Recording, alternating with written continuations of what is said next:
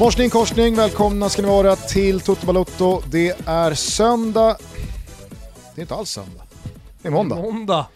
Jag eh, sa söndag för att jag sitter och kollar på min resultatapp här och skulle slå in söndagen för att förbereda mig lite mentalt på vad jag ville plocka upp senare i avsnittet. Det är måndag, landslagssamlingen är igångsparkad och den är det i och med den nyss avslutade presskonferensen med Janne Andersson i en av de värre biroller man skådat mm. på podiet tillsammans med Zlatan Ibrahimovic. Vi har suttit här hemma hos mig, du och jag Thomas, och väckat våra pannor över vissa frågor som ställdes. Eh, fokuset som var eh, att man liksom sitter där och kanske får en eller två frågor till Zlatan Ibrahimovic och så väljer man att bränna dem på ja, vissa på, på, saker han redan precis har sagt och mm. vissa saker som kanske borde komma lite längre ner på intresselistan sett till vad man kunde fråga om. Men eh, om vi bara ska ta det från slutet i omvänd ordning den näst sista frågan som ställs, det är av någon Micke uppfattar jag. jag, jag... Micke Wagner, vad heter han? På bladet? Jag ja, vet inte. Okej, okay, var det Micke Wagner? Vet inte.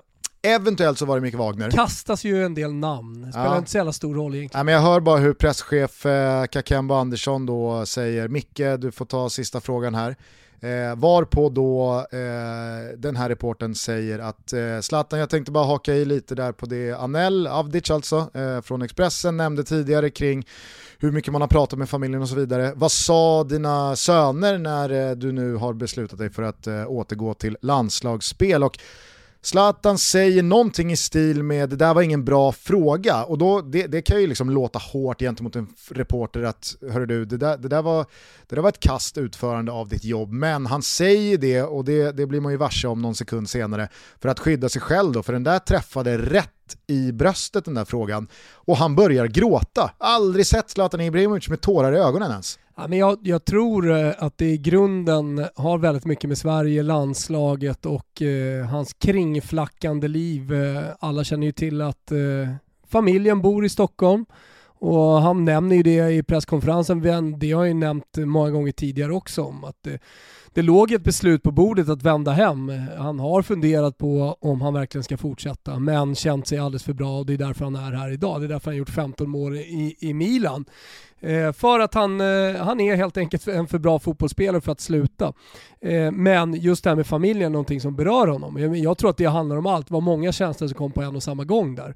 Och eh, just det här med att eh, ja, vi hade Vincent här som grät när jag lämnade honom. Men det är okej. Okay. Mm. det är okej. Okay, ja, han tar då en, en, en paus, eh, samlar sig, eh, torkar tårarna ur ögonen, säger då som du eh, nämner här att eh, Vincent grät när jag lämnade honom.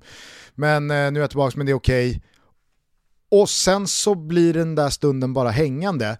Den här Micke, eventuellt då Wagner från eh, Aftonbladet, väljer då att snabbt som fan byta inriktning på då sin följdfråga och gå tillbaka till något träningsupplägg. Ja. Eh, där en träningsbubbla. Jag, ja, jag, jag, jag, liksom, jag förstår inte riktigt hur, hur, hur vi hamnade där bara några sekunder senare. Eh, och sen så när Zlatan har sagt någonting om detta eh, märkliga träningsupplägg vid 39 års ålder så frågar presschef Kakemba Andersson igen då, eh, do we have any last questions in English? Ingen slänger upp handen, ingen svensk journalist är heller på tårna och bara säger vänta nu Zlatan, vad, vad, vad, var det som hände där? Vad, kan du utveckla känslorna här? För att det var ju en speciell timme med mm. Zlatan som nu är tillbaka i landslaget efter snart fem år.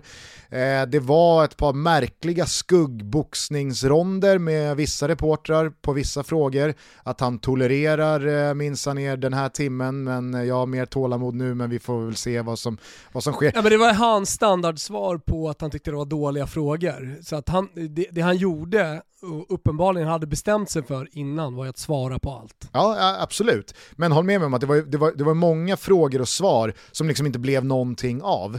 Eh, de, de, de, de hittade liksom inte i, i, takt med varandra, de krokade ja, Det var som i. att alla var i lite dålig form inför den här presskonferensen, både journalister och eh, Zlatan. Det var en comeback på något sätt eh, som eh, var lite styltig och stapplade.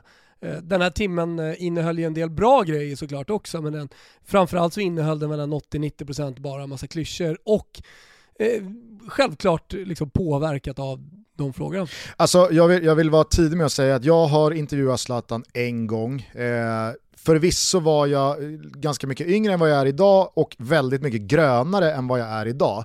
Men jag minns ju fortfarande hur det blev där och då. Det var ju någonting helt annat kontra alla andra intervjuer man har gjort. Eh, alla andra situationer där man har ställt frågor till stora fotbollsspelare man eh, hittar inte ord, man eh, har en tanke med vart man ska med en fråga och så kanske man dribblar bort sig och så blir det liksom ingenting. Men fan, det, var, det var så jävla synd för att det, det, det, var så mycket man ville ha svar på Men... den här timmen, den här presskonferensen. Ja. Jag kände att frågorna var inte ens på väg dit, utan ja, det, det var Willy, San Willy Sagnol har tagit över Jorgen och hur är det egentligen att bli äldre som, alltså så vad fan, ja. det var så Nej, jävla mycket man hade men, velat veta lite kanske också märker man eh, det då på reporterna som normalt sett rapporterar och eh, följer den allsvenska fotbollen. Ja, men det är mixad zon efter Sirius Kalmar och så ställer man de frågorna. Helt plötsligt sitter Zlatan här, eh, någon som man eh, inom det här yrket och i Sverige hela tiden förhåller sig till alldeles oavsett vilken fotboll det handlar om. Och eh, det märktes på den här presskonferensen. Det var liksom nervöst. Mm. Eh, tills det kom en britt då som är van eh, med de här situationerna. Nej men och, och det var väl det man verkligen eh, bär med sig efter den här timmen. Det var ju den här brittiska journalisten som då sa Jaha, är det rimligt att tro att eh, du satsar vidare även över VM 2022? För det är ju faktiskt bara lite drygt ett och ett halvt år bort. Det är ju faktiskt kvalet till det mästerskapet Exakt. som inleds nu på torsdag. Och Zlatan säger han säger absolut inte yes, jag spelar VM 2022, men han sa ju definitivt inte nej, eller han sa jag lovar dig att jag kommer spela så länge jag kan och jag håller den nivå jag är bekväm i. Om det är i ett år till eller om det är tio år till, det får vi se. Men ja. det var ju mer känslan av att jag är här för att spela i landslaget så länge jag fortsätter spela fotboll Olof på den här nivån. Olof följer ju upp eh, britten med att eh, liksom fråga vidare kring eh, VM och han har ju faktiskt gjort noll VM-mål Zlatan. Det märkte man, det var någonting som störde honom för han sa det, jag kan inte sluta med noll i, i VM. Det, ja, det, det, måste han göra någonting åt. Mellan raderna sa han, det, det, ska vi, det, ska vi, det ska vi göra ändring på. Ja, exakt. Eh, så förutsatt att han inte skadas eh, eller någonting sjukt händer de kommande ett och ett halvt åren, eh, ny, ny pandemi, ny mutation, så spelar Zlatan VM 2022. Det tycker jag var liksom ett ganska tydligt svar. Han var inte lika tydlig i sitt ställningstagande gentemot VM i Qatar 2022. Där hade han inte någon, någon stark åsikt, nej. Jag tyckte verkligen att det var det som stack ut. Alla förstår väl att Zlatan i och med den här comebacken och i och med den här samlingen så är tanken att han ska spela EM. Men det lät ju dessutom på honom som att han är sugen på en fortsättning i Milan. Han pratar om att eh, han är hela klubbens eh, centralfigur och mittpunkt och att eh, smågrabbarna sitter och väntar på honom, att han ska dyka upp på Milanello. Eh, han tycker att det förvisso är ett annat Milan än det han spelade i för eh, 10-12 år sedan, men att det är ett spännande projekt och att det kanske är helt perfekt för honom att inte tillhöra Bayern München, Real Madrid, PSG eller Manchester City. Jag har gjort ganska mycket. Utan att eh, han spelar i en eh, väldigt stor klubb men han får vara den, eh, den hundraprocentiga mittpunkten i allt. Det han har varit väldigt tydlig med från Milano i uh, italiensk press är ju hans relation till uh, Paolo Maldini, sportchefen i Milan alltså om det är någon som har missat det. Och eh, det har man ju också sett när han har varit skadad och han och Paolo Maldini har suttit med varandra vid sidan av planen liksom och diskuterat det som har, det som har hänt och det har varit, ja, men, det har varit ganska stora yviga gester och det är de två som sitter. Han sitter inte med någon annan, han sitter med sportchefen.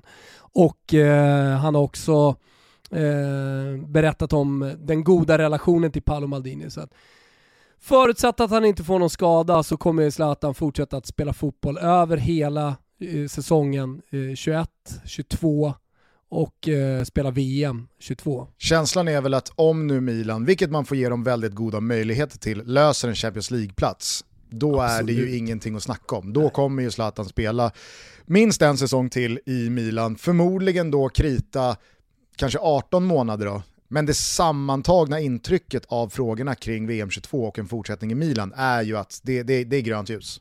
Sen tycker jag det är alltid intressant att uh, lyssna på Zlatan så tillvida att han är så stor. Ja. Nej men så, här, så tillvida att han är så stor så att man väntar vissa alltid på svaren. Vissa resonemang, att, där ja, men det är klart att resonemangen... Uh, Vad är det som händer här? långt ifrån alltid hundra. Det är inte det jag menar, men man väntar ändå på nästa fråga för att det är Zlatan som sitter där. Och eh, han pratar ju lite om hur han har utvecklats som spelare, eller blivit annorlunda som spelare kanske är, är, är mer rätt. Att han eh, vill väldigt mycket i huvudet men kroppen inte alltid hänger med. Det tycker jag så det, det, är lite nice att höra att han är öppen och ärlig kring det. För att å ena sidan så kanske han har en eh, attityd och en jargong som är nu Gud tillbaka. Men han, han har väldigt stor respekt för åldern. Nästan som man kan prata om en åldersnoja. För att så fort någon frågar om det så vill han liksom stöta bort eh, det där och han ska hela tiden kommentera det här med åldern. Så jag tror nog att det finns en 40-årskris liksom i Zlatan. Det, det, det sitter en 40-årskrisande Zlatan vid podiet och det kommer det göra kommande år. Och jag tycker att jag tycker att det, det, kan vara lite gulligt att se honom sitta där och tycka att vissa frågor kring åldern är lite jobbiga. Men just det här med att han har blivit en annan typ av spelare, så det är lätt att bara hylla honom för att han är gammal, spelar fotboll, gör 15 år i Milan och nu kommer in i landslaget och blir vår bästa spelare, vann Guldbollen nyligen. Men sättet eh, han har tagit sig an den här utmaningen efter knäskadan med LA Galaxy som någon slags väg tillbaka. Han insåg själv att han var så bra så att han kunde spela på den absoluta toppnivån igen.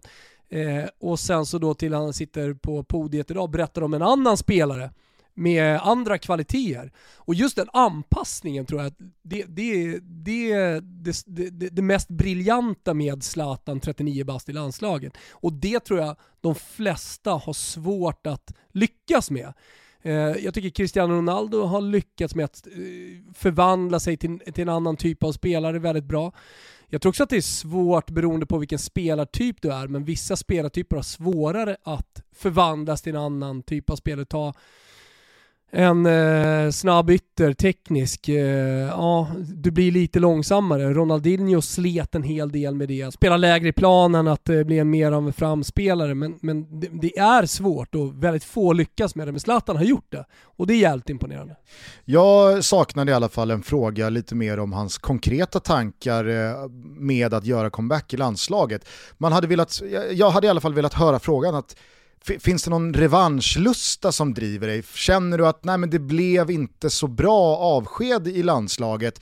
Jag lyckades faktiskt inte uppnå speciellt mycket förutom det här individuella målrekordet. Det är ju faktiskt, om vi ska vara ärliga, det är ju det man får ge Zlatan och hans tid i landslaget. I övrigt så är det en kvartsfinal från EM 2004, men... Men det där, finns ju minnen Zlatan... med Zlatan som är fina, klacken mot Italien. Absolut. Även om matchen och, och, kanske i sig inte betydde så mycket så var ju målet mot England speciellt så Absolut, som han gjorde det. Ja, men, men, men jag återkommer bara till att EM 2004, där är Zlatan en bidragande orsak eh, till att Sverige gör det bra och att vi är millimeter ifrån att eh, ja, men, ta oss till en semifinal. Men han bränner också eh, en, en straff i straffbanksläggningen mot eh, Holland. VM 2002 vann med som joker, gjorde några inhopp, kunde har varit med och avgjort den där Senegal-matchen, men i övrigt så var inte det speciellt mycket Zlatans eh, mästerskap överhuvudtaget. Nej. VM 2006, ljumsk problematik, inga mål, stort fiasko egentligen eh, all around.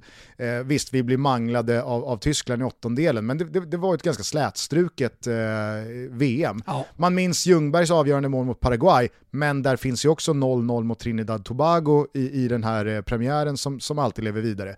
EM 2008, Ja, Zlatan eh, har ju absolut ryggen fri efter det mästerskapet, gör ju mål både mot Grekland och Spanien, mm. men vi åker ur i gruppen. Vi missar 2010, vi är ute efter två matcher 2012, vi missar 2014, vi skjuter första skottet på mål i den tredje matchen i EM 2016. Så att jag hade i alla fall velat att någon, liksom så här, fanns det fanns det en revansch i det? Finns det ett driv att vänta nu? Vad fan, landslaget utan mig går till kvartsfinal i VM. Nu är vi klara för ett Europamästerskap. Det är ett VM bara ett och ett halvt år lite drygt bort. Jag är en av de bästa spelarna en av de bästa anfallarna i Europa, i alla fall i Italien. Jag öser in mål i ett lag som Milan. Visst, jag må vara 39-40 bast på pappret, men det är bara en siffra, det handlar om hur det ser ut på plan. Jag kan vara med och faktiskt uträtta någonting med det här landslaget. Någonting... Nu blev du Zlatan Gustav. Ja, men vadå? Det, alltså, ja, men, här, det är, väl... ju alltid problemet, det, det, du är inne på, det är alltid problemet med spelare som, som uh, spelar i en nation som inte har chansen egentligen, eller väldigt små chanser att ta sig långt i ett mästerskap.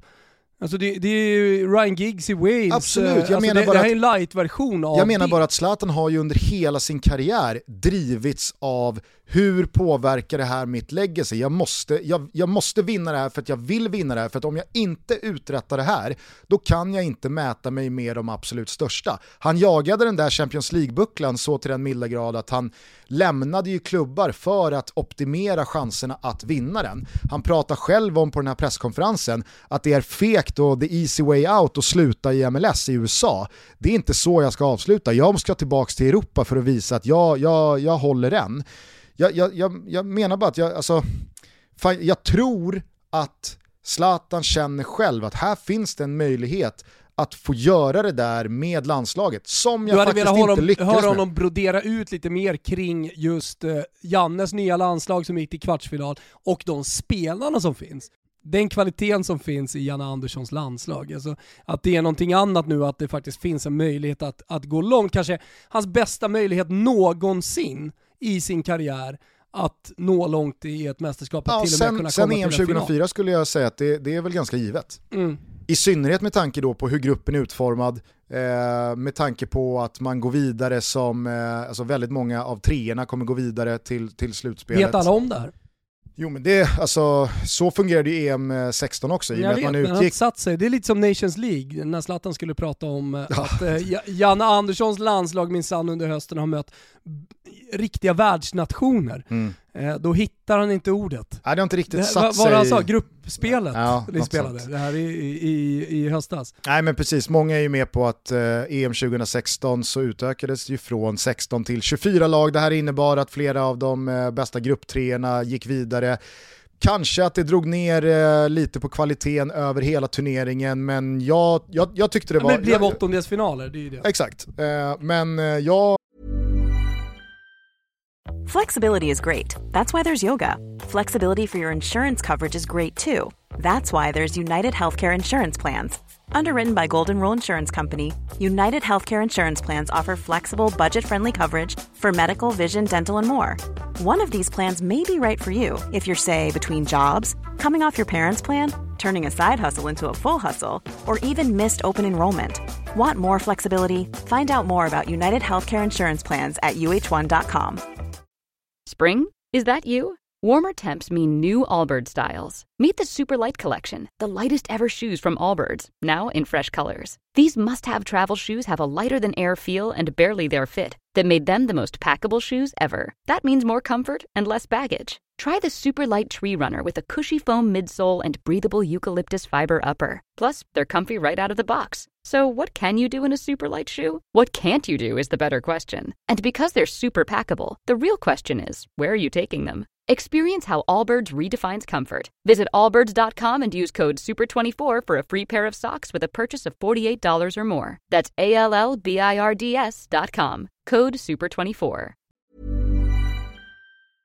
Jag kan ändå ur ett svenskt perspektiv tycka att det, det gynnar ju oss. Ja, ja. Att det finns en köksdörr in i, uh, in desto, i slutspelet. Desto längre mästerskapet är, desto roligare såklart. Nej, men eh, Zlatan säger ju själv att alltså, jag har saknat landslaget och jag känner mig fortfarande bra och jag är här för att bidra, men det spelar ingen roll vad jag sitter och säger och vad jag känner. Det handlar om resultat. Jag är här för att göra resultat och gör jag inte det, då spelar ingenting någon roll heller. Så att han är ju så jävla inställd ja. på någonting, men jag, jag, jag, i alla fall, jag saknade i alla fall lite konkreta frågor kring ja, men, alltså, varför han också är tillbaka rent driftmässigt.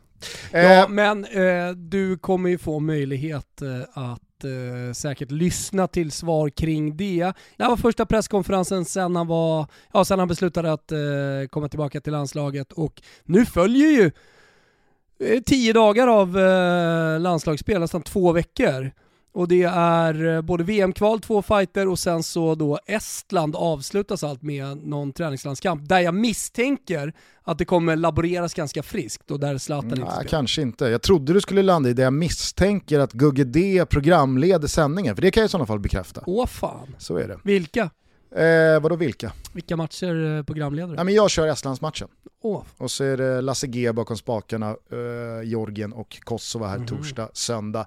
Men eh, vi kan i alla fall konstatera att eh, Zlatan och Janne, de har hittat varandra. Ja. Det är en ruskig bromance som har eh, sett dagens ljus. Eh, det var nästan lite så här så att man stod och skruvade på sig när, när Janne lite s- skrattande skämtsamt konstaterade att eh, under de här åren sen vi snackade efter EM 2016 och jag tog över så har Zlatan förvisso retats lite. Då bajsar han på sig. Det är ju smått surrealistiskt att de sitter bredvid varandra på ett podium i mars 2021 och känns så jävla givna och gjutna ihop som Precis förbundskapten som och man hade storstjärna. sett framför sig Gusten. Det är precis vad man hade sett Med framför tanke sig. då på hur körde det faktiskt har retorik. låtit senaste två, tre åren. Jo, med men- allt från eh, Janne ringer på klockan till att han bajsar på sig, till att han är rasist, till att han är en pajas som förstör svensk fotboll och så vidare och så vidare. Jo, jo men det, det, är- det, det är kungens retorik. Vi vänder på blad här. Det, det var ju så de svarade på alla frågor. Ja men då var då, nu är nu, nu har vi vänt blad, nu tittar vi framåt. Jo, absolut, jag, jag minns bara gånger, alltså Janne var ju hos oss. Nu vänder vi blad. Var, var det så han sa? Nej, men, det var väl, alltså så här, om, vi, vi kan väl vara ärliga med vad som ligger i botten kring liksom polemiken. Ja, i Zlatans fall så handlade det ju om, vad då? Ja, att han kallade Janne för rasist. Ja. Eller hur? Ja, det. är det som låg i botten till all polemik. Sen har det funnits mindre saker också. I kungens fall, vad handlar det om då? Att han var på strippklubb eller? Ja, Ja. det är väl en viss Och vad gör man där? På stängda strippklubbar? Men ursäkta mig och ursäkta mitt språk. Men det, det, det, det, är grunden det handlar om. Ja, ja, jag, jag, eh, jag reagerade i alla fall på att eh, ordvalet var liksom, "Ah, ja, ja, det- han har retats lite. Ja. Så att säga. Jo men det, det, jag kan också tycka att ska, ska vi gå in i eh, ett VM-kval och eh, vi ska försöka förbereda oss så bra som möjligt på väldigt kort tid. Eh, Nu har vi tre dagar på, eller vi säger jag, men Sverige, Sverige har tre dagar på sig att förbereda sig inför ett VM-kval där vi ska gärna vinna med ett par bollar, eller hur Gusten? Det Så kan är du återkomma till sen när vi pratar spel va? Mm. Men, alltså så här, det, finns, det finns ju ingen tid att hålla på och älta det som har varit. Uppenbarligen så har de lagt det bakom sig. Då måste ju vi lägga det bakom oss också. Absolut, Det får vi ju jag- respektera. Jag är den första att Hur skriva de under löser på... sina problem, ja uppenbarligen så, så har de löst det. Nu är, sitter Zlatan där. Han är också fotbollsspelare. Jag är, den Han första, ska göra mål för Sverige i nummer 11, inte konstigare än så. jag är den första att skriva under på att det är väl kanon att eh, de har rökt fredspipa och det, det, det är väl en förutsättning för att det här ska funka. Men man kan ju i alla fall konstatera så här första samlingen att det är otroligt hur mycket den här eh, färjan har svängt. Det är ju en 180 graders vändning på ganska kort tid som jag i alla fall inte såg komma när tweeten i Kulusevski-gate där i september skickades ut nerifrån Italien. Eh, då, då såg jag dem inte sitta Nej. glada i hågen ihop bredvid Men det gjorde du för, eh, låt säga två månader sedan efter att Erik Niva hade varit nere. Då såg du dem sitta där. Ja, kanske det. Eh, du nämnde här eh, nummer 11, eh, Zlatan eh, berättade att han frågade Alexander Isak om han kunde få 11. Isak sa absolut, eh, bara jag får tillbaka den om 6-7 år när du slutar. Zlatan eh, berättar även då att eh, Emil Forsberg har erbjudit honom tian men att nej nu är det ett nytt kapitel, det är du som ska ha tian, det är en ny Zlatan här, jag ska ha 11. Ty- Återigen så lite- är det här ett bevis på vem det är som kommer in. Ja, ja, och hur hierarkin ser ut i det där omklädningsrummet när, när Zlatan tar första steget in. Men ändå lite fint och oväntat att Emil Forsberg erbjuder tian. Eller Vet inte om det är är, oväntat. eller är man så cynisk att eh, man tänker att eh, det, det, det, är en, eh, det är en PR-strategi från eh, Forsberg? Nej, det är det definitivt inte. Jag tror inte man kan göra på något annat sätt när Sveriges bästa fotbollsspelare genom tiderna, eh, när Zlatan kommer in i ett omklädningsrum, alltså det man gör då alldeles oavsett vem man är i att lämna över numret. Vilka fotbollsspelare i världen hade inte överlåtit sitt nummer? Det finns ju alltid en massa dårar såklart, men, men Det är så här Cristiano Ronaldo, Messi, vad vet jag, Neymar, några få fotbollsspelare kan mäta sig med Zlatan i så att säga stjärnstatus. Var det Quadrado eller var det Douglas Costa eller vem var det som eh, gav upp sjuan i Juventus när, eh, när Ronaldo kom? Det var också ganska liksom givet att, ah, ja, Ganska givet. Här har du sjuan. Nej men han gick ut och sa det, jag kommer inte ihåg exakt vem det var, men som då sa Ja, men det, det, här, här är sjuan, det är, inget, ja. inget, att, inget att snacka om. Ja, men jag tycker ändå det syntes på Zlatan att han, eh, han, eh, han mår inte jättedåligt när han får frågor om just den här yngre generationen som har haft honom som idol när de har vuxit upp och att det är en stor sak för dem att Zlatan nu är tillbaka och att de här ska då mixas i ett omklädningsrum i ett lag och uträtta saker tillsammans. Det, det måste vara jävligt flummigt. Eh, det, det är en sak med spelare i Milan, det är väl klart att Leao och Tonali och eh, Theo Hernandez och yngre spelare i Milan såklart att vetat om eh, Zlatan Ibrahimovic även när de har vuxit upp, men kanske inte på samma sätt som då svenska spelare haft honom som eh, kanske enda idol. Jesper Karlsson pratade ju om det i holländsk media, jag vet inte om du såg intervjun? Mm, jag såg. Noterade du det alla noterade höll jag på att säga. Noterade du det jag noterade? Uh, som Pileby noterade. Gjorde Pileby också det? fanns en liten holländsk eh, brytning på engelska. Ja, det var han inte ensam om i så fall att uppmärksamma. Ja. Det fanns en holländsk brytning. ja, nej men han, han... Eh, Speciellt när han ska säga Yang och han säger Jong. is, is he your idol since you're yeah, three, uh, four, five years old? Yeah, now I'm gonna play with him, so I'm not gonna say too much. But uh, yeah, I've looked at him since I was young han vittnar i alla fall om det att eh, det, det, är, det är otroligt stort för den här generationen att eh, Zlatan är eh, tillbaka. Då. herregud, fan tänk dig själv, de, han är 20 år äldre än de här killarna. Mm. Ja, är... Kulusevski och, och, ligan. Ja det är sanslöst alltså. Eh, sista grejen, det är väl ändå värt att ta upp, det är det här med eh, lagkaptensfrågan. Zlatan eh, svarar ju själv först att eh, Andreas Granqvist är lagkapten. Det är inga konstigheter och jag ska inte ha någon bindel. Eh, jag tycker att han också kan backa upp det snacket med hur det har sett ut i Milan. Exakt. Alltså Alessio, Alessio Romagnoli i all ära, hade Zlatan velat ha det på något annat sätt så hade han säkert kunnat rycka den där binden. Men Romagnoli har varit kapten eh, ja, sen Zlatan kom och det har inte Tills varit Tomori kom och petade Romagnoli. Ja exakt, eh, och, men inte ens då så tog ju Zlatan binden utan då är det Donnarumma som, eh, som har tagit den. Mm. Eh, jag tror att eh, Zlatan gör klokt i att inte hålla på och liksom ge sin, det, det spelar ingen roll längre. Det symbolvärdet i att ha lagkaptensbinden är inte lika stort nu som det var 2009 när Erik Hamrén tog över och han skulle bygga sitt hela landslag Jag är trygg i vem det är som är ledare ute på den där planen alldeles oavsett. Det är väl bara att kolla på Milan-fight och det kommer se likadant ut när Sverige spelar. Ja, men det som sticker ut här det är väl att Janne ändå öppnar för att kanske inte den här samlingen, mm. Andreas Granqvist är ju förvisso med men inte tänkt att spela. Eh, dock så har ju Janne gått runt på lite andra lagkaptener, Sebastian Larsson, Albin Ekdal, Marcus Berg och så vidare. Den här samlingen ja. Mm. Sen så säger han det, men framöver, det, det, det är väl klart att eh, det, det eventuellt finns en lagkaptensbindel på, på Zlatans arm. Så att, ja, det, är, det är tydligt att den här fredspipan är rökt hela vägen ner till sista, sista tobaksstrået. Alltså det är Ja, det är spännande jävla tider vi har framför oss mm. och jag, jag, tycker även att eh, det, det, finns så mycket oproblematiskt i form av speltid också den här samlingen i och med att motståndet är vad motståndet är. Det är tre matcher och allting handlar om att optimera saker och ting inför EM. Så att, alltså, om nu Zlatan inte skulle starta en av matcherna, det, det, det, kommer inte bli något, liksom, det kommer inte bli något problem kring det. Han kommer starta minst en av matcherna i VM-kvalet, Eh, förmodligen så kommer han eh, göra mål i och med att motståndet är vad motståndet är. Alltså Georgien, det är ett av de sämsta landslag jag sett senaste tio åren. Ja det är riktigt dåligt, oavsett eh, vem det är som coachar. Kosovo är väl en starkare motståndare än Georgien. Oh. Men eh, ser man problem... Det är ett landslag lite på uppgång, men eh, Kosovo kommer inte bli ett landslag att räkna med. Nej, och ser man problem på horisonten inför Kosovo, då, då, då, då, kanske man inte har riktigt rätt mindset Nej. när man ska möta Spanien i en EM-premiär om, om eh, mindre än tre månader. Så att, nej, jag, är, jag är ruskigt jävla laddad på det här. Det ska bli kul också och höra allt snack från övriga spelare hur de här dagarna är och har varit. På ett, och... kommer, på ett sätt kommer det bli kul Gusten. Men på ett sätt så kommer det bli lite jobbigt för det kommer, det kommer tjatas så jävla mycket om Zlatan med alla spelare. Så att allt fokus kommer liksom handla om hur är det att spela med honom, vad gjorde han på träningen? Så jag tror att det kommer gå ett par, tre dagar, sen kommer du vara less på det.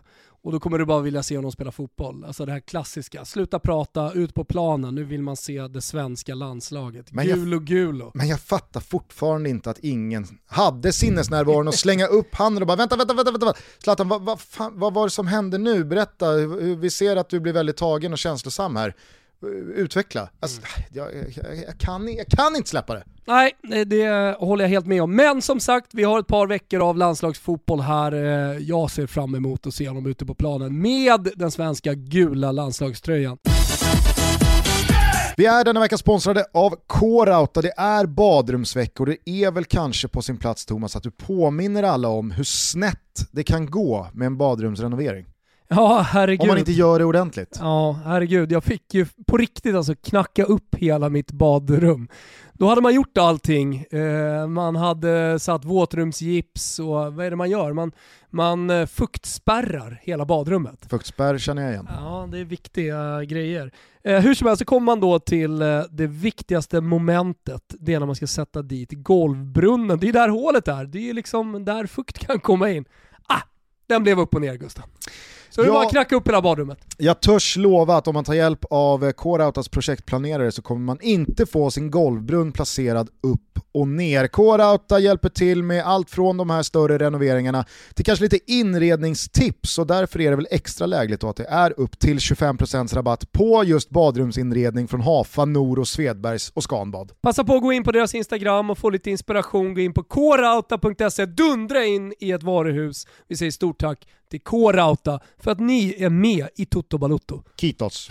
Vi är sponsrade av Telia och de har ett sportpaket Gusten som heter duga. Verkligen, detta prisvärda tv-paket i Sveriges bästa tv-tjänst består av Simor Premium och V-Premium för endast 499 kronor i månaden. Och då får man ju väldigt mycket internationell fotboll och väldigt många ligor. Framförallt så får man de bästa ligorna, de man vill följa, eller hur Gusten? Man får La Liga, man får Serie A, man får Premier League, man får mm. Champions League, man får Bundesliga, men man får ju även Svenska Kuppen. Wow! Och ordinarie pris för det här är alltså nästan 1000 spänn i månaden, 968 kronor i månaden. Det här är alltså nästan exakt en halvering av det priset och då ingår ju dessutom playtjänsterna Telia Play, Viaplay och Simor där det finns utöver all härlig fotbollsserier, filmer, dokumentärer och så vidare. 499 kronor i månaden. In på telia.se sport. Ni måste skaffa er det här paketet om ni frågar oss. Och Gusten, jag vill slå ett starkt slag för Telia Play. Det är en otrolig tjänst. Man kan kolla på tv i sin eh, mobil eller på datorn eller för all del om man vill liksom streama upp den på tvn. Alltså, det är en supertjänst. Det här backas ju upp av att eh, Telias tv-tjänst har Sveriges nöjdaste digital-tv-kunder mm. enligt SKI de senaste sex åren. Så att, eh, du verkar inte vara ensam i den här ringhörnan. Allt detta alltså för 499 kronor i månaden. Telia.se sport. Vi säger stort tack till Telia för att ni är med och möjliggör Toto Balutto. Stort tack. Ska vi eh, backa bandet då?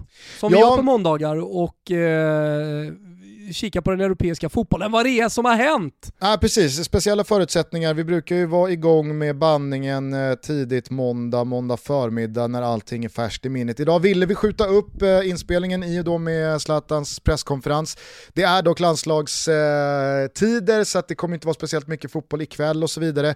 Det var ju en helg präglad av just avgörande Europaspel tisdag, onsdag, torsdag, således väldigt komprimerat till söndagen igår det var, det var liksom, eh, jag vet inte, väldigt rubrikfri lördag. Det var Brentford som slarvade igen, det, det, störde oss som fan. Mm. Toto-trippen sprack direkt eh, hemma mot Nottingham, eh, Brentford hade lägen att göra 2-0 flera gånger om. Väl vid 1-1 så borde de ha tagit ledningen igen, sen så gjorde ju City sitt jobb och Milan sitt igår. Men vi gnuggar vidare med våra tototripplar borta hos Betsson. Vi är inga mil ifrån de gånger vi bommar. Men skit i det nu, vilken söndag det var. Vilken insats Barcelona stod för borta mot Real Sociedad igår kväll. Ja, som de har vaknat till liv. Det var liksom som att, eller hela säsongen har varit lite som att det är stämningen i klubben, det som händer i, eh, det som händer i styrelserummet har liksom eh, gått hand i hand med prestationerna på planen. Så när Laporta kom in och det började bli lite positiva vibbar kring eh, Barcelonas framtid, han har till och med börjat prata om att investera pengar trots de här skulderna. Då är det som att hela Barcelona har vaknat. Messi har blivit Messi igen och eh, hans lagkamrater, lagkamrater runt honom ser bra ut. Griezmann gör dundermål och ja, men det, det är som att det är harmoni plötsligt i Barcelona. Vi pratar ju inte ens om Ronald Koeman och ledarstaben längre. Nej, Henke, La är Henke Larsson med? Ja, Henke Larsson är där. Han ja, är där alltså? Ja, han är där. Helt han är otroligt alltså. Har du läst någonting om Henke Larssons eh, liksom insats i Barcelona, som vad han nu har för roll? Vad har han för roll officiellt? Eh, han är väl inte assisterande utan han är någon slags hjälptränare. Okej. Okay. Men han är ju en av två som Koman då liksom tog med sig. Så jo, det, det, är ju mer än bara någon marginaliserad det det hjälptränare. Det är Men om... han är inte officiellt assisterande tränare. Om Ronald Koman skulle vara avstängd så är det inte Henke som Nej. står i tekniska området, utan då är det den här andra. Ja, men, men jag håller med dig, det, det, det är väldigt tyst för att vara Henke Larsson i Barcelona i svensk media. Och det är väldigt tyst nu om eh, tränarna, framtiden för eh, Ronald Koeman. Eh, Messi verkar ju till och med bli kvar i, i Barcelona. Alltså för två, tre månader sedan, då var, kändes det som eh, 0% sannolikhet att eh, Leo Messi skulle fortsätta spela fotboll i, i Barcelona. Jag såg nu uppgifter eh, om att eh, Haaland mer eller mindre skulle vara klar för Manchester A lot can happen in the next three years. Like a chatbot may be your new best friend. But what won't change? Needing health insurance. United Healthcare Tri Term Medical Plans are available for these changing times. Underwritten by Golden Rule Insurance Company, they offer budget friendly, flexible coverage for people who are in between jobs or missed open enrollment. The plans last nearly three years in some states, with access to a nationwide network of doctors and hospitals. So, for whatever tomorrow brings, United Healthcare Tri Term Medical Plans may be for you. Learn more at uh1.com. Say hello to a new era of mental health care. Cerebral is here to help you achieve your mental wellness goals with professional therapy and medication management support. 100% online. You'll experience the all new Cerebral Way, an innovative approach to mental wellness designed around you. You'll get a personalized treatment plan from a therapist, prescriber, or both in a safe and judgment free space. Your cerebral therapist or prescriber will outline a customized plan with clear milestones along the way so you can get to feeling your best. With Cerebral, you're not alone in your mental health journey. We're here to empower you to live a fulfilling life. So take that first step towards a brighter future and sign up today at cerebral.com slash podcast and use code ACasts to get 15% off your first month. Offer only valid on monthly plans. Other exclusions may apply. Offer ends July 31st, 2024. See site for details. Manchester City. De gör ju, inte, de gör ju liksom inte värvningen Haaland och Messi. Nej, det är det lite som väl, att de har eh, gett upp Messi och så går de på Haaland istället? Nej men eh, vi får väl se vad det, vad det blir av Håland men det är, väl, eh, det är väl klart som vi har nämnt här i flera avsnitt i rad att alltså med Barcelonas ekonomi så ser jag inte det, jag ser inte det funka. Och jag tror att Barcelona som klubb gör rätt i att investera de pengar som finns i Lionel Messi, för jag tror att symbolvärdet i det, slagstyrkan i det, signalerna det sänder att ha kvar Messi i ytterligare ett par säsonger tills han väl hänger upp skorna i björken. Det tror jag är ett jävligt klokt val och man ser ju herregud vilken peak han är inne i. Jag säger inte att han är bättre än någonsin men målen Messi gör, så som han flyter fram igen, hur han driver det här laget, det är ja, det är faktiskt oerhört mäktigt att eh, beskåda. Så i, igår så är det en insats som som jag tycker verkligen sticker ut den här Barcelona-säsongen. Det är nog deras bästa insats eh, över 90 minuter. Messi är riktigt bra, men laget är ju som du säger, det, det är, nu börjar det haka i varandra. De Jong som mittback, vilket jävla genidrag. Och ja.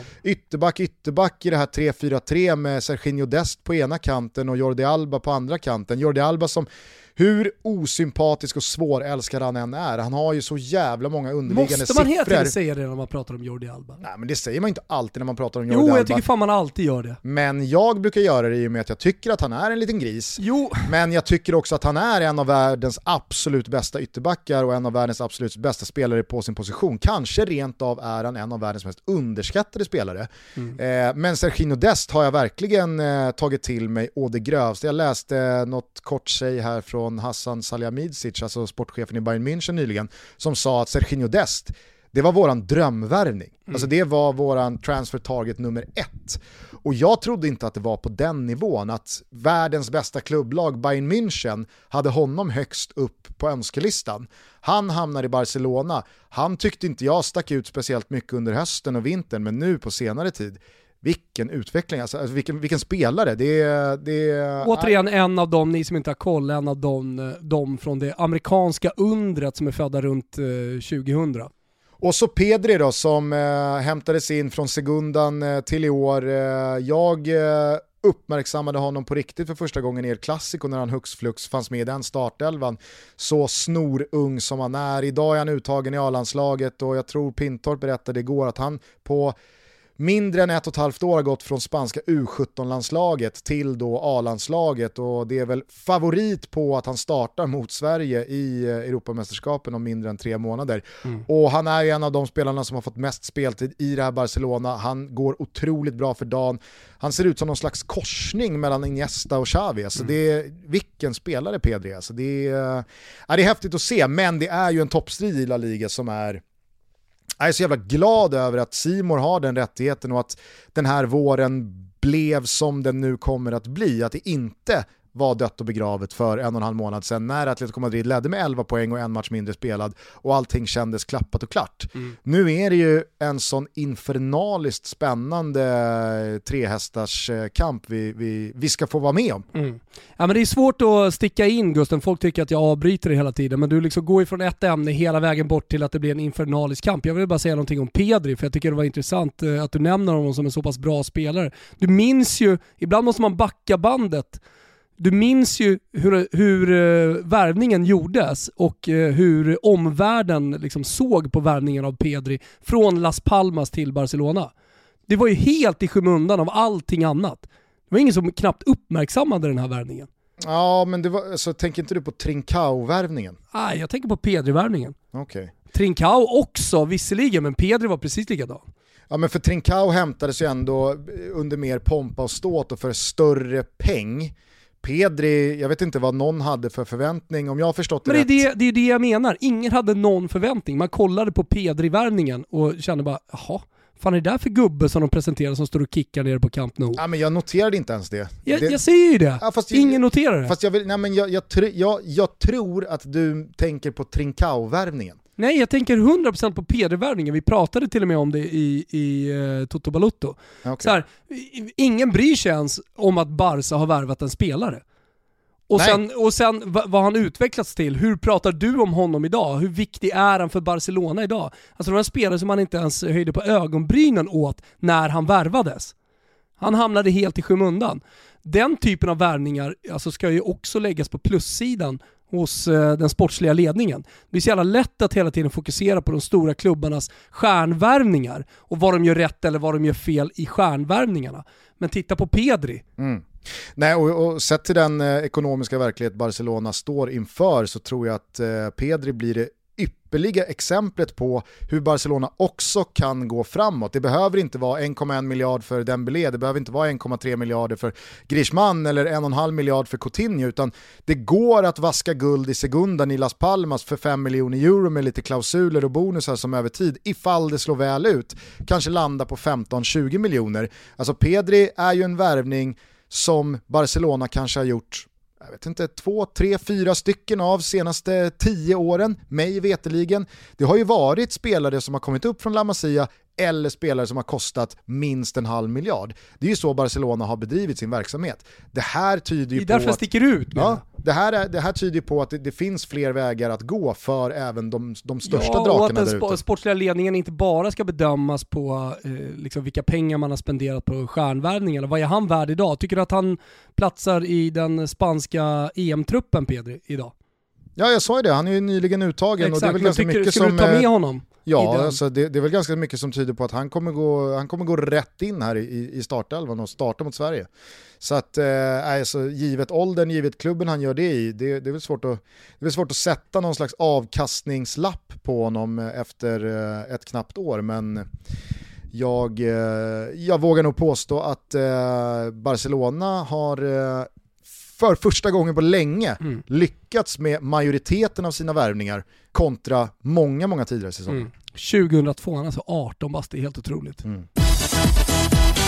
Var det någonting annat som stack ut för dig igår? Neymar var tillbaka för eh, PSG när eh, de eh, hade en riktigt bra dag på kontoret, borta slog Lyon samtidigt som Lille förlorade hemma mot Nims, så nu är man tillbaka i toppen. Men det känns ju som att det är eh, det som sker efter landslagsuppehållet här mot Bayern München som, som det mesta handlar om. Jag vet inte liksom hur, hur, hur stor vikt man ska lägga vid om nu eventuellt PSG skulle missa ligatiteln.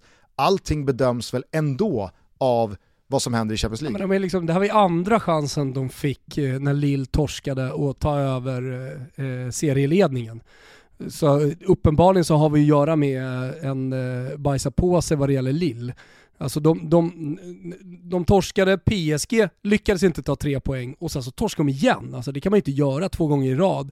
Nu när tåget ska gå. Och det tycker jag är ett ganska tydligt tecken på att PSG kommer ta det. Jag tror att de kommer vinna med sex poäng i slutändan. De kommer gå rent mer eller mindre. Jo men håll med mig om att oavsett vad som händer i ligan så är det ju Champions League som bestämmer huruvida PSG har haft en bra eller misslyckad säsong. Om nu PSG skulle åka ut mot Bayern München i kvartsfinal så tror inte jag att ännu en ligatitel hade tagit säsongen till lyckad. Absolut Så att lite skitsamma är det ju, kan jag känna, för PSG i det här stadiet, efter finalen i fjol framförallt, att ja, men nu är det den där bucklan som gäller. Ja, men det är otacksamt att vara PSG för du förväntas hela tiden vinna och ska vinna. Med de enorma jävla resurser de lägger, om du ska jämföra med Lille och Lyon, även de stora klubbarna, Monaco. Vad fan har hänt med Monaco egentligen? De ligger ju ändå fyra i ligan ser jag här. De har ett otroligt Stefan. Jovetic eh, singlar in bollar lite eh, till höger och vänster. Ja, Kevin Folland. Kevin Folland är där och snurrar. Det är... Cesc Fabregas. Ja exakt, men vilka, vilka ska egentligen ta upp kampen med PSG? Alltså det, det finns ju inget lag egentligen, så att det, det, är som du säger, det spelar ingen roll. Man ska bara vinna ligatiteln, torskar man den då tror jag dessutom att man rycker lite på axlarna. Ja, ja men då tar vi den nästa år då. då. Det var ju precis det jag konstaterade, då är Ja. vi på samma, vi är på samma, sida där i alla fall. Samma här, men jag sitter, kollar, jag sitter samtidigt och kollar på eh, Bundesliga, är du med? Mm. Och ser att Bayern nu har fyra poäng ner till Leipzig. Jo men den ligatiteln, den delade vi ut eh, i samma sekund som Sabitzer konstaterade att vi kommer inte kunna hämta in det här på Bayern München. Jag tycker faktiskt dock att deras insats i första halvlek, eller de 20 minuterna de följer upp utvisningen eh, på Alfonso Davis i lördags med, Ja. det är bland det värsta jag sett. Alltså, så som de bara, oj oj oj, okej, en man mindre redan i tionde minuten, vi har 0-0 och det är ju faktiskt lite småtajt fortfarande här i toppen. Nu får vi växla upp. Stuttgart, det är inte världens bästa lag, men det är ju långt ifrån världens sämsta lag. De tror jag ändå känner att kanske ändå, här, här, kan vi, här kan vi nog störa Bayern. De har spelat Champions League i veckan, hade ett bra lag mot Lazio och så vidare. Ja men det kan nog gå. 20 minuter senare står det 4-0 och då är det som att Bayern München inte har, de, de har inte ens eh, petat i fyrans växel. Äh, det var läskigt att se den jävla gasningen de gjorde i en kvart 20 minuter efter det där röda kortet Kan inte du känna när du kollar på en sån match att det är så jävla stor skillnad rent fysiskt mellan spelarna? Att eh, Bayern München spelar så jävla mycket snabbare och att det är det det handlar om i slutändan. Självklart så är det alla välskolade i Stuttgart eh, och de har sina spetsspelare. Men som att det är två olika nivåer verkligen och hur det kan vara det på den absoluta toppnivån i Bundesliga, i Serie A, i franska ligan. Så jävla, det är fysiken det, det, som är den stora skillnaden. Ja, och inte bara snabbare utan starkare överlag och det är Ja. väl någonting som visuellt har präglat Bayern München senaste åren. Man har ju sett spelare komma dit med en fysisk uppenbarelse och bara efter ett halvår, ett år, så är det någonting helt annat. Coutinho ja. kom dit på lån från Barcelona, ett halvår senare så var det det var nog både 5, 6 och 7 kilo muskelmassa mer. Lewandowski ska vi inte prata om, Leon Goretzka. Alltså det, det, har ju varit fysiska förvandlingar på många spelare. Den enda som har klarat sig undan liksom den, den uppenbara fysiska förvandlingen är Thomas Müller. Han ser liksom exakt likadan ut fortfarande som han, gjorde för, som han gjorde för tio år sedan. Bondpojken Müller, men du kommer ihåg för 20 år sedan när man pratade väldigt mycket om Milan Lab. Mm. Det, var, det var grunden till framgång i, i Milan. Ja, ja. Och, har du läst någonting om Bayern München? Nej men det är väl det, det är väl, exakt, det är väl det som har antytts, att vad, vad är det de gör egentligen där borta? Jag, jag, jag, försöker inte antyda några oegentligheter, Eller? men är det någonting som genomgående har uppmärksammats eh, kring Bayern München de senaste åren, så är det just vilken oerhörd jävla fysisk förvandling spelarna gör. Ja. Muskulärt, fysiskt överlag, de är ju snabba, de är starka som oxar, det är det är otroliga atleter som Bayern München bygger sin fotboll kring.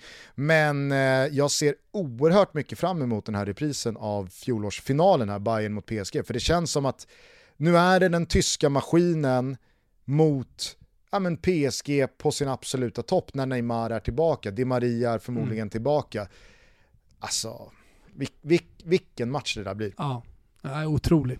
Vad säger om övriga kvartsfinaler som lottades i fredags? Eh, Porto mot Chelsea, Manchester City mot Dortmund och Real Madrid mot Liverpool. Ja, men att det är ganska öppet ändå. Alltså, nu, nu, nu var det inte några stora skrällar som, som gick vidare. Och eh, det är Porto då, det är drömlotten i, i det här.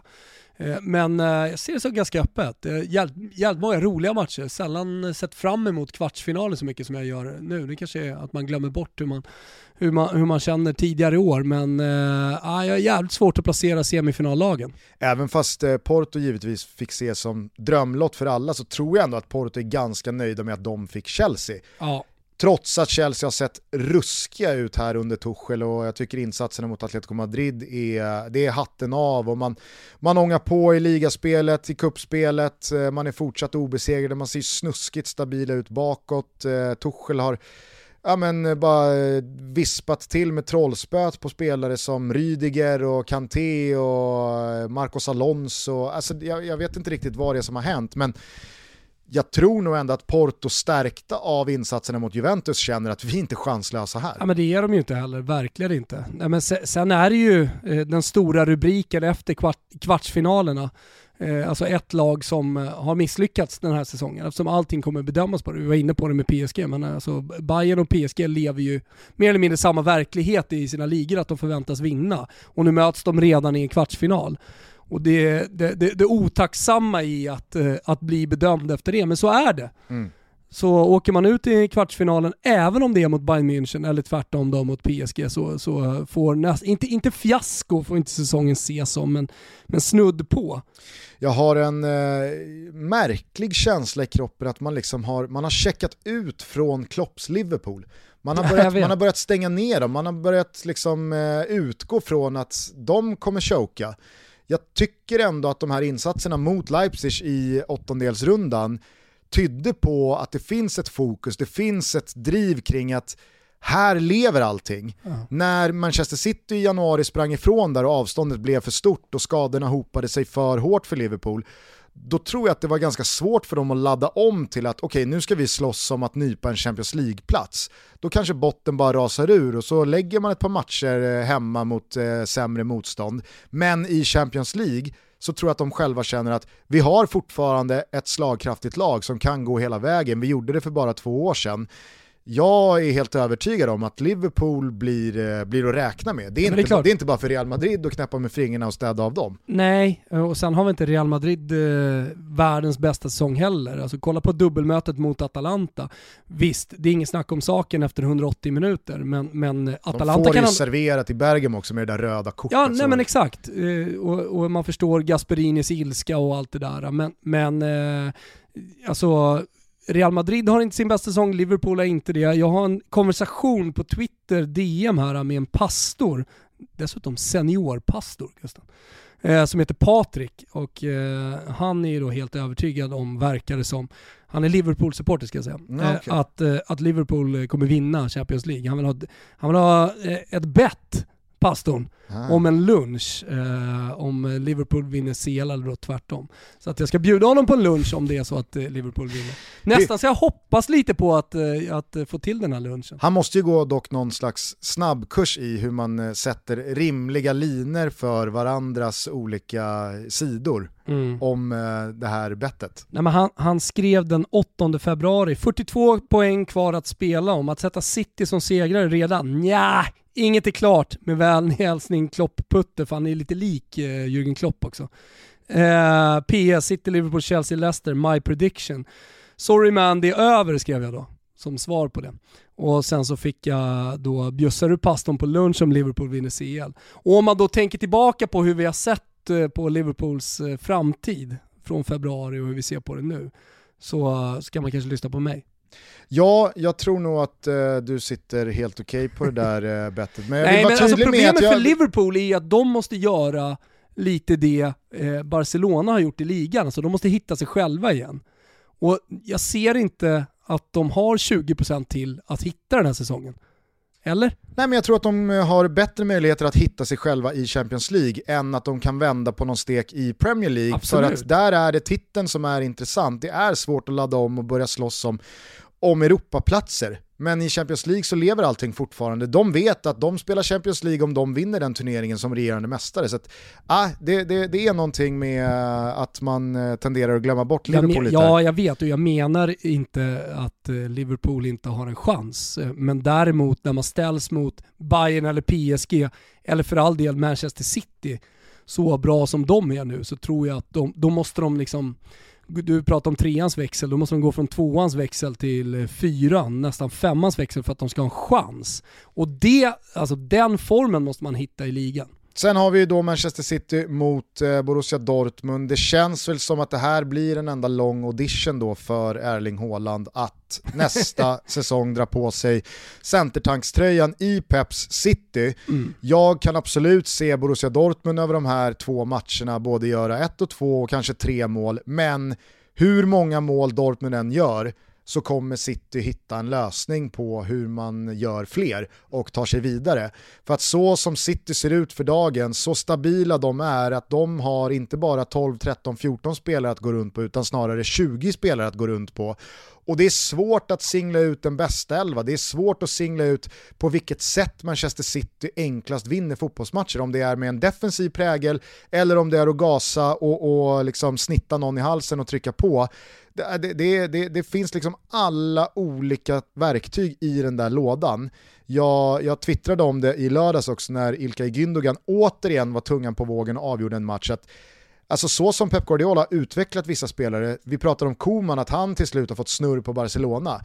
Alltså så som City ser ut nu under Pep Guardiola. Jag vet inte, jag vet inte, jag, jag tror man får gå tillbaka till liksom Barcelona för tio år sedan för att hitta ett Pep Guardiola-lag som ser bättre ut. Som Jag är vet, mer slagkraftigt och vägvinnande. så här, inte, inte så här bra ut, men de har sett bra ut och ändå inte lyckats prestera i Champions League. Alltså det måste man också ha med sig.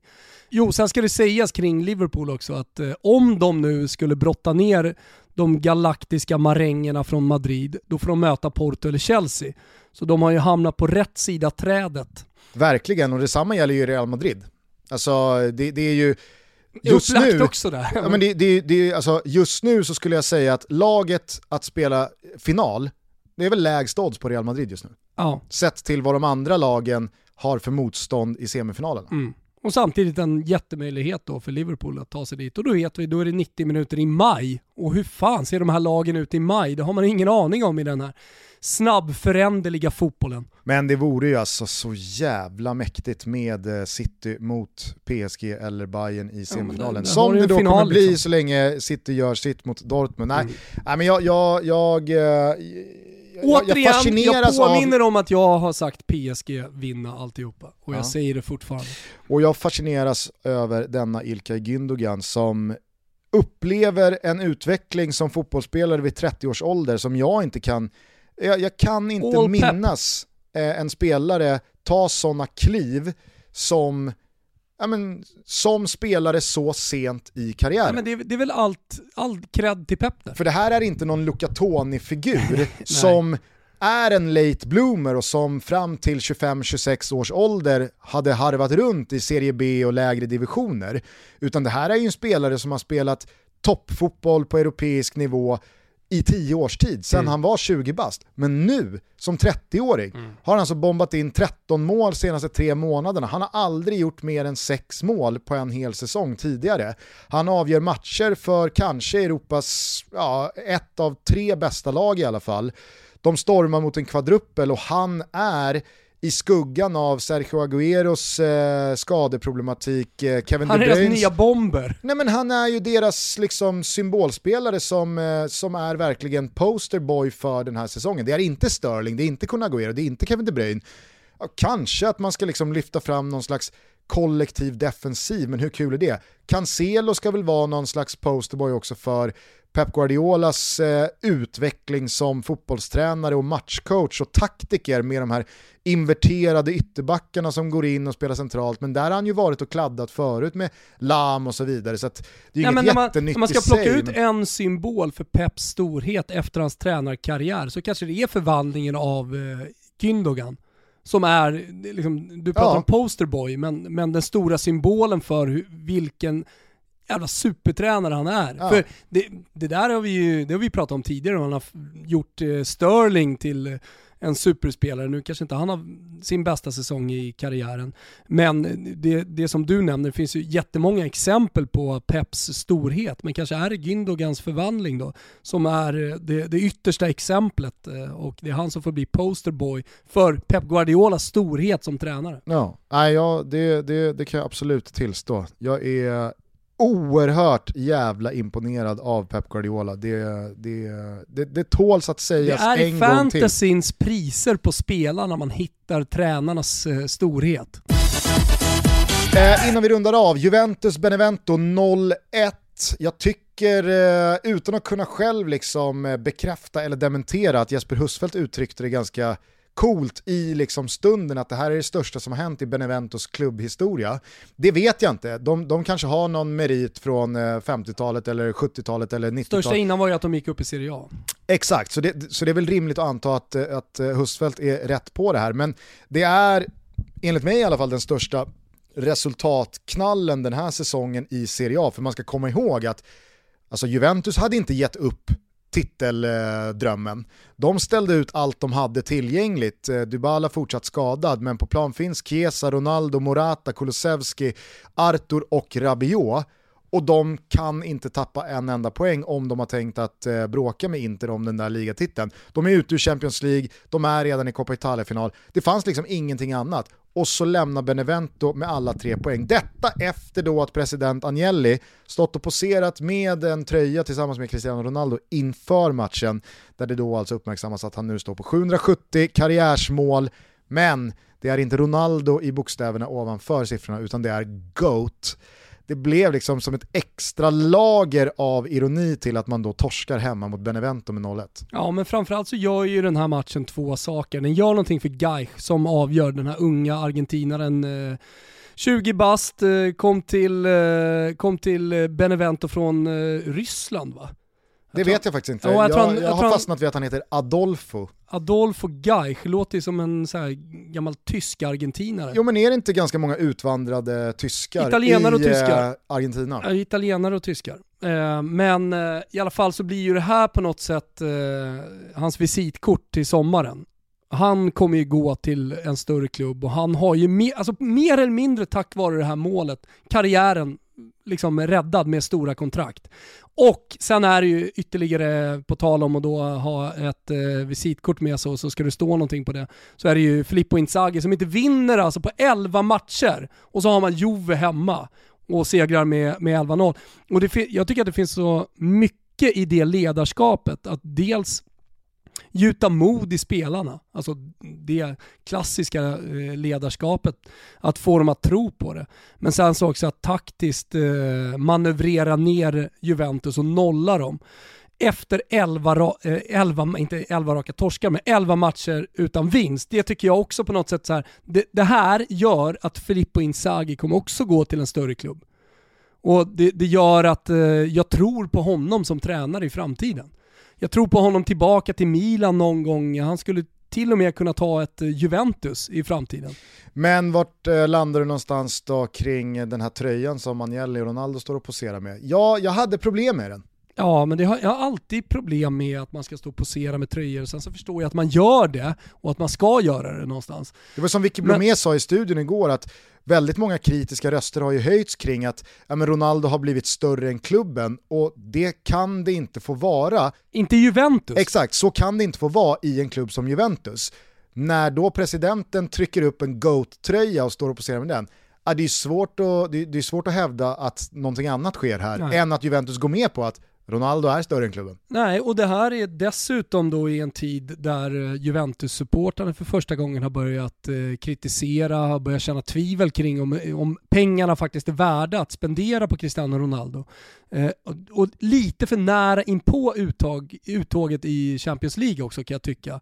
Eh, han eh, reagerade ju kraftigt, Cristiano Ronaldo, när han gjorde första målet efter uttåget, vilket jag också tycker var lite löjligt. Du gör i Serie A, alla förväntar sig att du ska göra mål här. PSG, vi förväntar oss att ni ska vinna era liga. Bayern München, samma sak. Och sen ska ni gå till final i, i eh, Champions League också. det är samma på spelarnivå för Cristiano Ronaldo. Att göra hattrick i Serie A, vi rycker på axlarna åt det, Exakt. Ronaldo. Att göra hattrick mot Cagliari i matchen efter man har stått för en blek insats Ingen förväntar sig och någonting åkt ut annat. Champions League, det väger liksom inte upp. Det, det, det, gör det inte och därför är det lite för tidigt att prata GOAT och sen då dessutom åka på 0-1 där bak. Det går inte. Eh, kort bara, du följde matchen eh, mellan West Ham och Arsenal igår. Eh, det finns väl två beröringspunkter där. Eh, om man bara kort ska börja med det positiva så var det väl Martin Ödegårds bästa stund hittills och en match han behövde den här säsongen sett till hur snett han hamnade i Real Madrid. Han gick på lån till Arsenal, många höjde på ögonbrynen åt det. Han kanske inte har haft eh, liksom kalasshow hittills, men han visar ju igår vilken jävla spelare han både är och kan vara för klubbar som, ja, men, som, som kan ta bra många steg med honom i laget. Ja, ja, nej men äh, framförallt så är han ju dirigent till upphämtning. Äh, han har ju en hockeyass äh, som leder fram till kvitteringsmålet är det va, när Lacazette nickar in den. Han vill hockas i de flesta mål. Ja, ja, jag vet, men, men jag tycker att det finns någonting extra briljant med just den framspelningen ut på högerkanten och sen så kommer inlägget då. Eh, han håller i bollen, han har så jävla bra timing när han ska släppa bollen, men framförallt så verkar han ju helt jävla omöjlig att ta bollen av. Ja. Alltså han hittar alltid någon liten touch precis förbi, han lyckas behålla bollen. Eh, och nu ser han ju ut som han gjorde i Real Sociedad, men han gör det i Premier League, han gör det i Arsenal. Säga vad man vill om liksom, den spanska ligans storhet och att eh, eh Real Sociedad överraskade positivt med honom och är ett ganska orutinerat lag. Men, men eh, det slår ju så jävla mycket, eller det smäller så jävla mycket högre att göra det i Arsenal. Och helt plötsligt nu då så, så vill ju alla Arsenal-supportrar ha honom kvar. Samtidigt som eh, Real Madrid sitter på trumfkort här. Hur ska, hur ska man hantera honom? Jag hoppas ju för hans framtid och för alla Arsenal-supportrar att han, att han får vara kvar i Arsenal. För att det verkar inte finnas någon plats i Real Madrid för honom. Men då det lite mer eh, dystra spåret, det var ju att vilken jävla skitmatch det var. alltså, eh, som match, och om man ser hur, hur lagen då ställer upp på planen, vem var det? Det var Rice va, som tog en coast to coast i typ 70 minuten. Alltså, när Rice får bollen vid fötterna, då kan det inte vara målchans. I eget straffområde dessutom. Alltså det såg ut som att det var Pelé som fick bollen och bara röjde över hela planen. Gick inte att ta bollen av honom.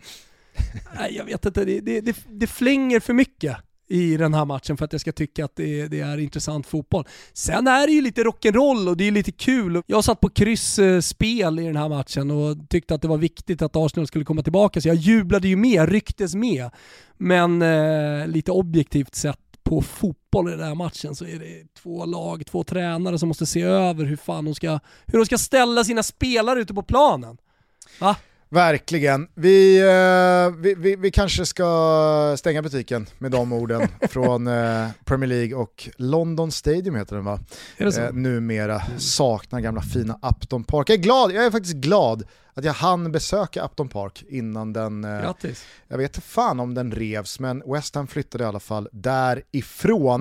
Mm. Eh, det är som sagt landslagstider som stundar, ni vet att ni ser all VM-kvalfotboll på Simors kanaler, ni ser dessutom Sverige-Estland med Gugge vid eh, studioratt mitten nästa vecka. Men då är då, det kommer ha hänt en hel del innan mm. dess. Sverige spelar hur som helst mot Jorgen på torsdag 20.45. Jag misstänker att sändningen drar igång 20.00 men det finns ju faktiskt hur mycket fotboll som helst att vila ögonen på. Missa inte Pedri i Spanien, missa inte Italien mot Nordirland. Mancini laddar mot EM och sen så finns det ju liksom ja, men ur, svensk, kvar, eller? ur svensk intresse, Polen eh, spelar mot Ungern, Tyskland, Island. Ja. Ah. Ja, men det är många sköna matcher, jag tycker det nästan är det roligaste med, eh, med de här kvalmatcherna, att se liksom hur de andra lagen ser ut, speciellt nu när vi närmar oss ett EM, för det börjar bli, börjar liksom bli läge att få saker och ting på plats, eller hur? Och dessutom så måste man ju börja spekulera i, i 23-trupperna. Alltså vi ska ju göra en EM-podd här som vi börjar sända i slutet på april. Och då ska det tas ut 23 trupper. Och det är många av de här större nationerna som har tagit ut ganska, ganska stora trupper också. Det finns stor, stor möjlighet liksom för spelare att ta sig in här nu. Vet du vad som eh, dessutom drar igång i veckan? Och du behöver absolut inte skämmas ifall du säger nej här. Nej. Det är alltså U21-EM i veckan. Va? Är det det minst puffade och alltså pushade det, det mästerskapet vi var nere och kollade på i Tjeckien och Polen och alltihopa? Jajamensan. Det är mästerskapet. U21-EMs gruppspel spelas under den här landslagssamlingsperioden. Vilka är favoriter? Det är ett mästerskap som fördelas eh, på Slovenien och Ungern och deltagande länder är 16 stycken Sanslösa till antalet. för övrigt. Ja, verkligen. Nej, men håll med om att alltså, de som har jobbat med marknadsdelen av det här mästerskapet, de har misslyckats lika dåligt som sparken. marknadsavdelningen som, eh, som pysslar med Nations League mot Zlatan. Nej men alltså, det, det, här var nyheter för mig bara för några dagar sedan också, att så, här, ja, men så drar ju U21-EM igång nästa vecka. Ursäkta? Ja, du menar kvalen? Ursäkta? Nej. Nej alltså U21-EM sparkar igång här nu i veckan. Va? Ja visst. Men vadå, det, det, det ska liksom avgöras över... Nej nej, gruppspelsfasen spelas nu och sen så är det någon slutspelsfas senare. Jag fattar ja, ingenting alltså. Mm. Men det finns säkert en hel del pärlor att följa i det mästerskapet också. På tal om pärlor så har vi ju såklart en eh, liten raket, en trestegsraket i Sveriges match mot Georgien på Betsson. Man hittar den under godbitar boostade odds när vi har kommit fram till vad det är vi vill ha, eller hur Gustav? Vi eh, kan väl fan köra den redan nu så att vi får ja. med oss oddsen. Zlatan gör mål, eh, Sverige vinner med minst två mål. Och Sverige håller nollan. Så är det. Eh, den här ska vi boosta hos våra vänner på Betsson. Ni kommer precis som vanligt hitta den under godbitar och boostade odds som man behöver vara 18 år fyllda ifall man har tänkt att rygga. Upplever man att man själv eller någon annan i sin närhet har problem med spel så finns stödlinjen.se öppet dygnet runt. Men det vet ni vid det här laget. Vi hörs igen på fredag när Sverige har VM-kvalspelat mot Jorgen och Zlatan gjort definitiv comeback i Gulo Gulo. Underbart. Eh, vi hörs snart igen då. Ciao tutti. Ciao tutti. There was a time when I was so broken hearted Love wasn't much of a friend of mine